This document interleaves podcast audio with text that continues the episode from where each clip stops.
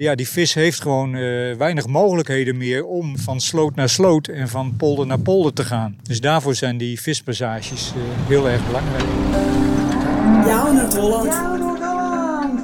Hoi, Rolien hier. Dit is de podcast Jouw Noord-Holland.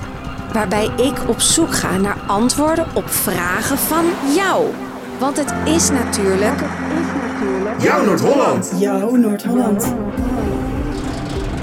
Voor de laatste aflevering van seizoen 2 ga ik naar het grootste eiland van Noord-Holland, namelijk Texel. Samen met een oude bekende ga ik op zoek naar de paling. Maar op de boot valt mij iets anders op. Judith, we zitten net op de boot. We hebben het gehaald. We gaan naar Texel. We gaan naar de vispassage. Maar we zijn net vertrokken en wij zitten achteraan de boot. Dus wij zien nu het mooie Den Helder achter ons. Maar waarom zijn al die meeuwen hier aan het, zo fanatiek aan het vliegen? Nou, die meeuwen hebben ondertussen ook geleerd dat er hier heel veel eten te vinden is.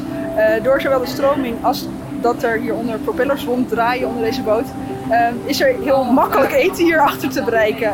En ja, ook deze beesten zijn waarschijnlijk liever lui dan moe. Zo, weer iets geleerd. Misschien herken je de stem, die is namelijk van Judith Weijers. In aflevering 1 heb ik samen met Judith een passage bezocht, waar we op zoek gingen naar de vos. Nu gaan we niet op zoek naar de vos, maar brengen we een bezoek aan een vispassage, een soort visglijbaan. Judith is ecoloog bij de provincie Noord-Holland en weet ook veel van het bijzondere leven van de paling. Want de vraag die binnen is gekomen via www.noord-holland.nl slash podcast is... waarom zwemmen palingen van Noord-Holland naar de Bermuda-driehoek? Want ja, dat doen ze. En weet je eigenlijk waar de Bermuda-driehoek ligt? Nou, die ligt tussen Miami, Cuba en de Bahama's. Dat is zeker zo'n 6000 kilometer hier vandaan. Hier op Texel zorgen ze ervoor dat de paling daar naartoe gaat. Maar waarom? En hoe werkt dat? Dat gaan we hier uitzoeken. Wij wensen u een goed verblijf op het eiland en de Tesselaars welkom thuis. Wir nähern uns Texel. Zo, we zijn veilig aangekomen op Texel. En we rijden meteen door naar Walenburg, waar de vispassage is. De auto parkeren we aan de rand van het natuurgebied. En daar staat Henk Kolkman al op ons te wachten.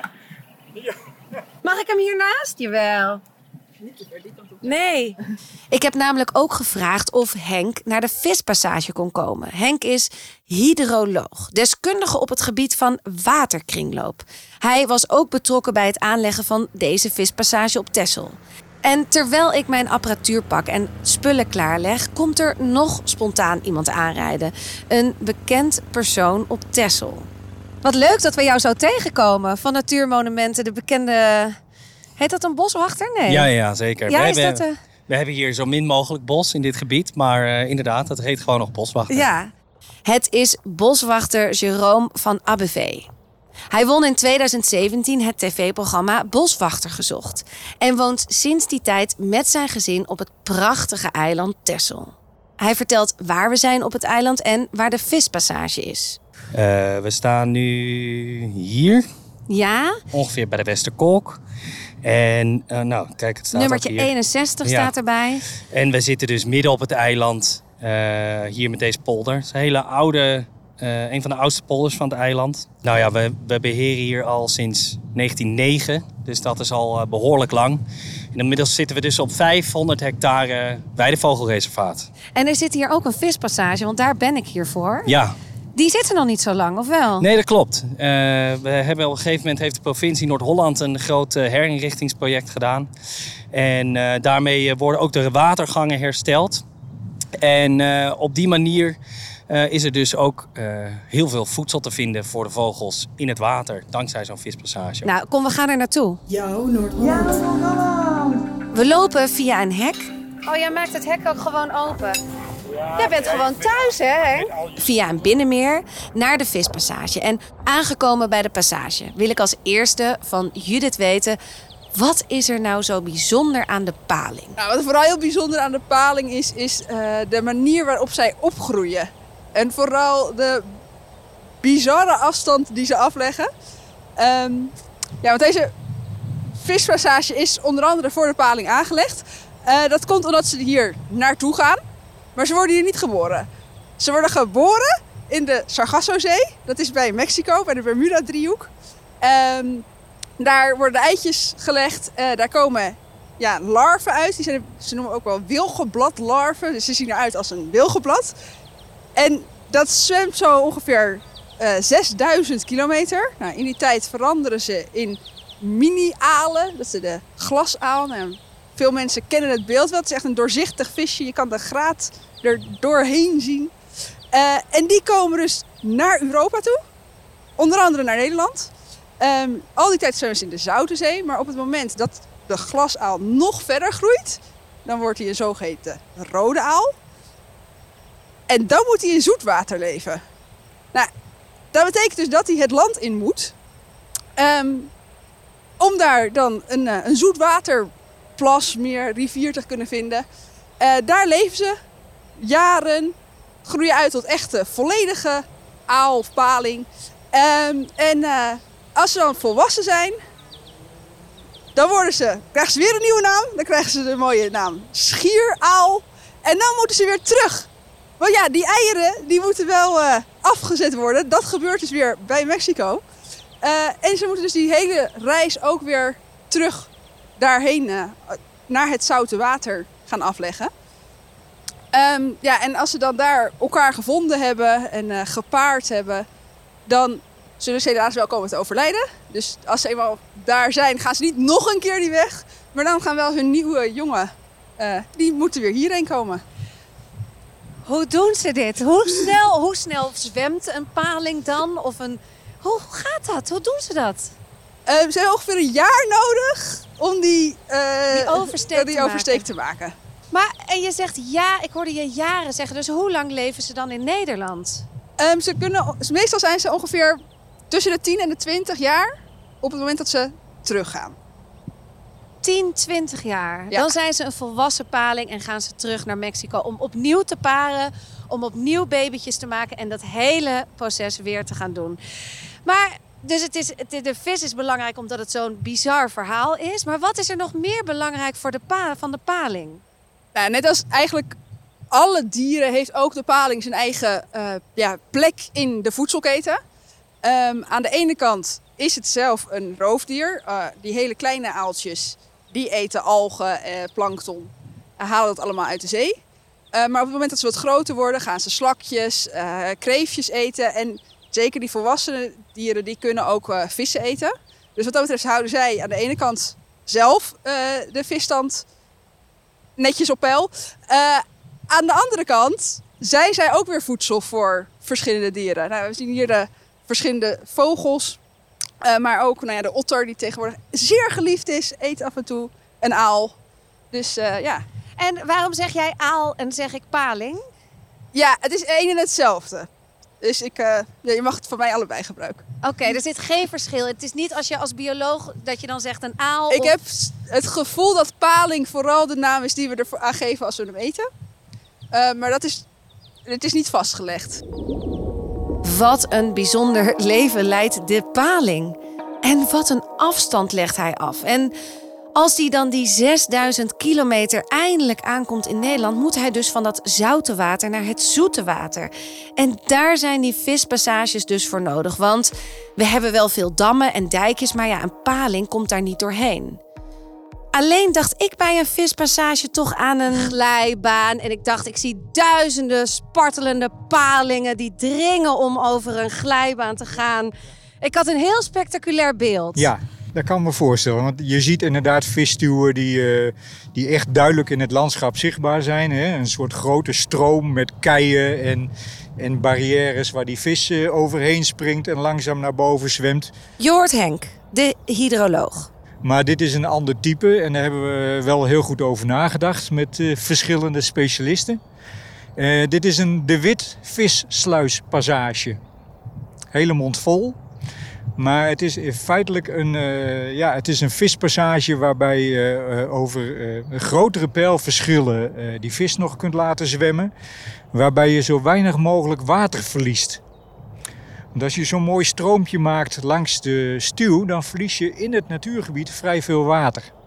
En dat willen we hier niet, want uh, Walenburg uh, is uh, gebaat bij een hoog waterpeil. En we willen dus eigenlijk zo lang mogelijk dat water ook vasthouden in de zomer. Waarom is precies hier dan een vispassage gebouwd?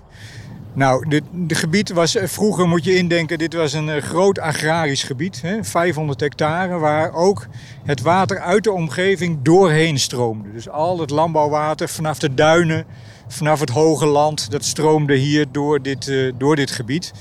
Nou, toen uh, aangegeven is dit natuur zou moeten worden, is bedacht we uh, willen dat een eigen pijl geven, eigen waterpeil.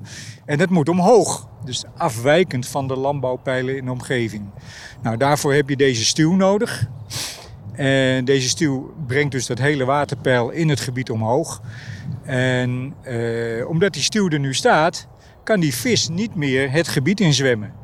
Dus die vis komt van de Waddenzeekant. Ja, dus we draaien even om, want Ja, we stonden met onze neus. Welke kant stonden we op? Uh, we staan naar de duinen. Daar zie je de duinen de aan duinen. de Noordzee. Noordzee. Ja. En we draaien nu met de rug naar de Waddenzee. Ja, daar staat een heel groot gemaal aan de Waddenzee. En dat zorgt ervoor dat dit water wordt uitgeslagen, als het te veel is, naar de Waddenzeekant. Nou, eh, van die kant moet ook eh, de paling komen, de schier, eh, die kleintjes. Ja. En nou, door deze vispassage aan te leggen, kunnen ze alsnog het gebied inzwemmen. En nou goed. eh, En dan zijn ze hier een soort veilig. dan zijn ze hier een soort, nou niet helemaal veilig, want er zitten allerlei leuke vogels die ook wel een visje lusten. Met name die stekelbaars, eh, maar ik denk ook af en toe eh, die glazaal, die wordt wel eh, opgegeten. Dus het is een heel goed biotoop voor die vis om, om op te groeien. Ja. En kan je mij iets meer over die passage? Want het is eigenlijk de afstand van deze passage is maar hoeveel meter? Nou, als je kijkt, er gaat van deze, tussen deze twee groene kastjes hier zit de vispassage. Dat, je moet voorstellen, daar ligt een buis onder de grond van bijna een meter diameter. En die kastjes zorgen ervoor dat eh, af en toe de ene kant open staat en af en toe de andere kant. En op het moment dat aan de benedenstroomse kant eh, de klep helemaal open gaat, dan kan die vis naar binnen zwemmen. Er is een klein lokstroompje voor nodig om de vis eh, daar naartoe te trekken. Nou, dat duurt misschien een half uurtje. Dan gaat aan de onderkant de klep weer dicht. En dan gaat aan de bovenkant gaat de klep open. En dan kunnen ze dus doorzwemmen het gebied in. Dus het is, die vispassages zijn echt heel belangrijk. Ja, je moet indenken dat het, eh, het, het, hele waterbeheer eh, binnen de provincie, zeker eh, boven het Noordzeekanaal, is zodanig versnipperd. Het zijn allemaal kleine poldertjes, allemaal apart bemalen worden. En ja, die vis heeft gewoon weinig mogelijkheden meer om van sloot naar sloot en van polder naar polder te gaan.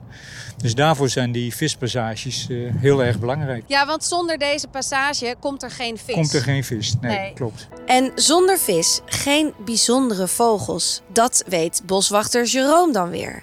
Sterker nog, hij laat het me zien. Nou, je ziet daar die witte vogel daar in de verte. Die, dat is een lepelaar. Die is nu... Aan het duiken. Die is nu eh, aan het zoeken, ja. Wacht even, ik wil hem zien. Hij komt zo weer naar boven. Of is hij... Eh, nee. Hij zit niet onder water. Hij loopt in de rand.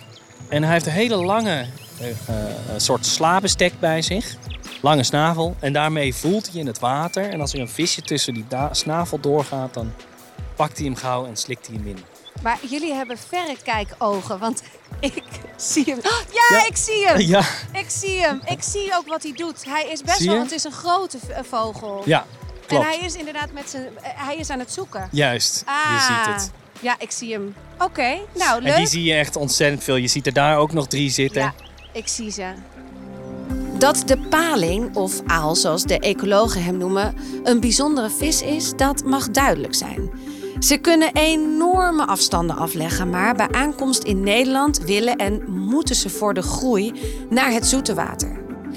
Nederland telt alleen veel dammetjes, stuwtjes en dijkjes en daar kan de paling nou net niet doorheen. Dus zijn die vispassages van groot belang voor de paling.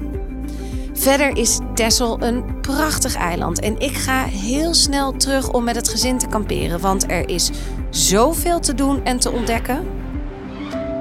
Dit was de laatste aflevering van seizoen 2. Maar heb jij nou ook een vraag over het leven, de planten, de bebouwing of de stranden van Noord-Holland?